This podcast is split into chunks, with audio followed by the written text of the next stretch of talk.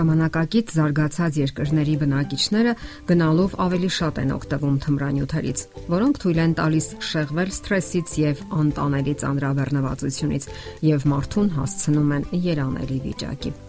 Գիտությունը կուտակել է համոզիչ փաստեր մարդու առողջության վրա դրանց քայքայիչ ազդեցության վերաբերյալ։ Միևնույն ժամանակ հաստատել է, որ մարդու օրգանիզմը ունակ է սինթեզելու երջանկության զգացողություն առաջացնող նյութեր։ Այս միացությունները նպաստում են մարդու առողջությանը եւ պաշտպանիչ ուժերի ամրապնդմանը։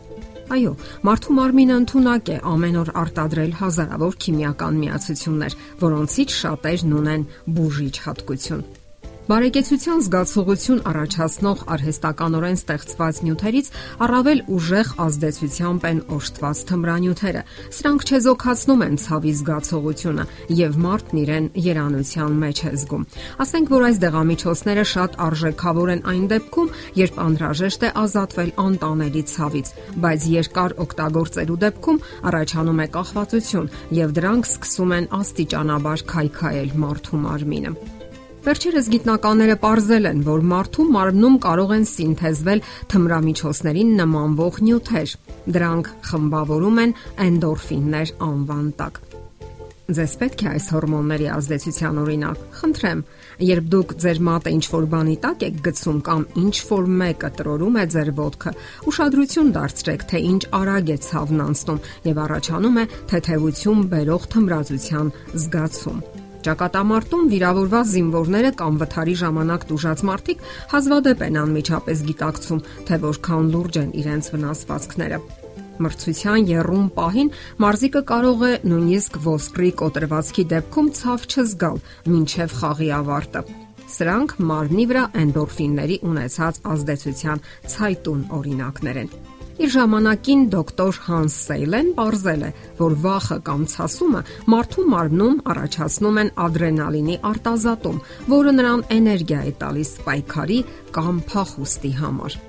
Ուսումնասիրությունները ցույց են տվել, որ եթե վախը կամ ցասումը տևական բնույթ են կրում, ապա դա մարդու մարմնում առաջացնում է անբարենպաստ տեղաշարժեր։ Մյուս բացասական հույզերն էլ վիշտը, ատելությունը, կսկիծը, վիրավորանքը, բարկությունը երկար շարունակվելու դեպքում կարող են խախտել մարմնի արտակարգ հակազդեցության մեխանիզմները եւ թուլացնել մարդու պաշտպանական ուժերը։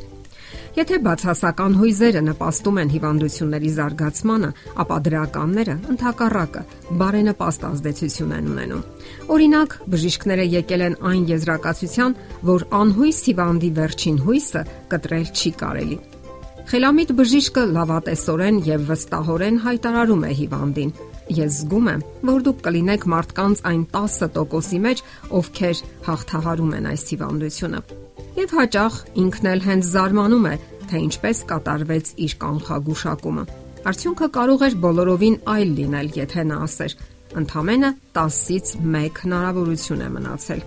Դրական հույզերի, ծիծաղի, ուրախության, սիրո, երախտագիտության, ինչպես նաև հավատի օգնությամբ անհուսալիորեն հիվանդ շատ մարդիկ ճիշտ կենսաձև ընտրելով կարողացել են վերականգնել իրենց առողջությունը։ Համապատասխան մասնագետներին հաջողվել է առանձնացնել մի շարք նյութեր, որոնք ամրացնում են իմունային համակարգը, նպաստում ապակինմանը եւ մարդու մեջ բարձր տրամադրություն եւ երջանկության զգացում են առաջացնում։ Վաղուց հայտնի է, որ ֆիզիկական վարժությունները մարդուն օգուտ են բերում, բայց գիտնականները ուշադրություն են դարձրել այն բանին, որ ֆիզիկական գործունեության հետևանքով առաջացող բարձր տրամադրությունը չի կարող լինել միայն ֆիզիկական վիճակի ամրապնդման արդյունք։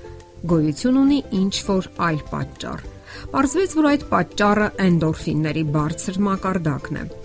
Էնդորֆինների քանակը մեծանում է լավատեսական տրամադրվածության արդյունքում։ Կոնֆլիկտները վերացնելը, վիրավորանքն ու ատելությունը մի կողմ թողնելը, երախտագիտության, բարության, ներողամտության զգացումներ դաստիարակելը, հավատ ձեռք բերելը նպաստում են գլխուղեղում էնդորֆինների առաջացմանը եւ բարձրացնում մարմնի դիմադրողականությունը տարբեր հիվանդությունների հանդեպ։ Առողջ եղեք եւ երբեք մի մոռացեք առողջ հոգին, առողջ մարմնում բանաձևը։ Եթերում առողջ ապրելակերպ հաղորդաշարներ։ Ձեզ հետ է Գեղեցիկ Մարտիրոսյանը։ Հարցերի եւ առաջարկությունների համար զանգահարել 033 87 87 87 հեռախոսահամարով։